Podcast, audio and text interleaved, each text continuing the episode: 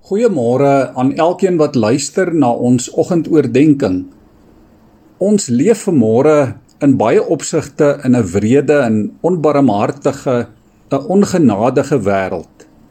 'n Wêreld waarin daar nie plek is vir swakkes nie en waar swakkes dikwels uitgebuit en uitgelewer word aan die mag van sterkes. Hier kan gedink word aan die kwessie van geweld teen vroue en kinders en minderhede in die samelewing wat deesdae baie in die nuus is. Maar wat in werklikheid van die vroegste tye af deel is van ons menslike DNA.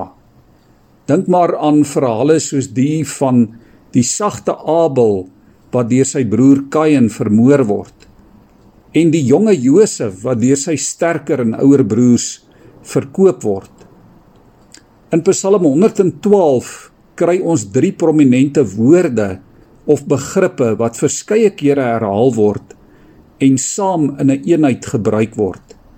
Die woorde genade, barmhartigheid en regverdigheid. Dit is drie prominente eienskappe of karaktertrekke van God wat ons ook dwarsteer die Bybel kry. God is genadig, God is barmhartig en God is regverdig. En nou kom sê Psalm 112, dit is presies ook hoe 'n mens is wat ontzag het vir God.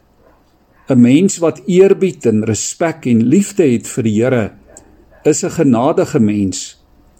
Ja, hy of sy is 'n barmhartige mens en 'n mens wat regverdig is in sy of haar optrede.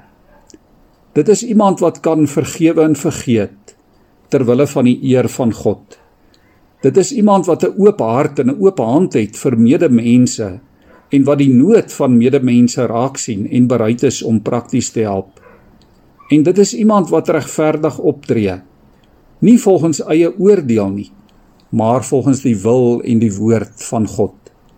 So 'n mens dra die goedkeuring van God weg en word deur God geseën.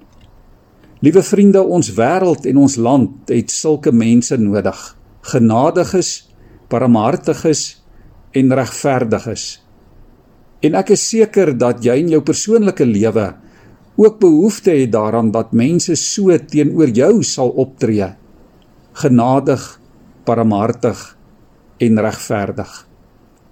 Die Here Jesus is ons volmaakte voorbeeld van wat dit beteken om so te wees. En omdat hy dit alles aan jou en aan my bewys het, Daarom kan ons vandag in vrede met God lewe. En kan ons dit ook aan mekaar en aan ander bewys. God wil ons juis seën om tot seën te wees in hierdie wêreld waarvan ons deel is. Nie ter wille van onsself nie, maar ter wille van die eer en die ontzag van sy grootte en heilige naam. Ek lees vir ons Psalm 112. Halleluja. Hoe gelukkig is die mens wat ontzag het vir die Here, wat groot vreugde vind in sy gebooie. Sy nageslag sal magtig wees in die land, 'n geslag opregtes wat geseën word. Oorvloedige rykdom is in sy huis en sy regverdigheid hou vir altyd stand. Hy skyn in die duisternis as 'n lig vir die opregtes. Hy is genadig, barmhartig en regverdig. Dit gaan goed met 'n mens wat goedhartig is en uitleen wat sy sake eerlik bestuur, want hy sal nooit wankel nie. 'n Regverdige bly vir altyd in die herinnering. Vir slegte tyding is hy nie bang nie. Sy hart is standvastig, hy vertrou op die Here. Sy hart is bestendig. Hy is nie bang nie.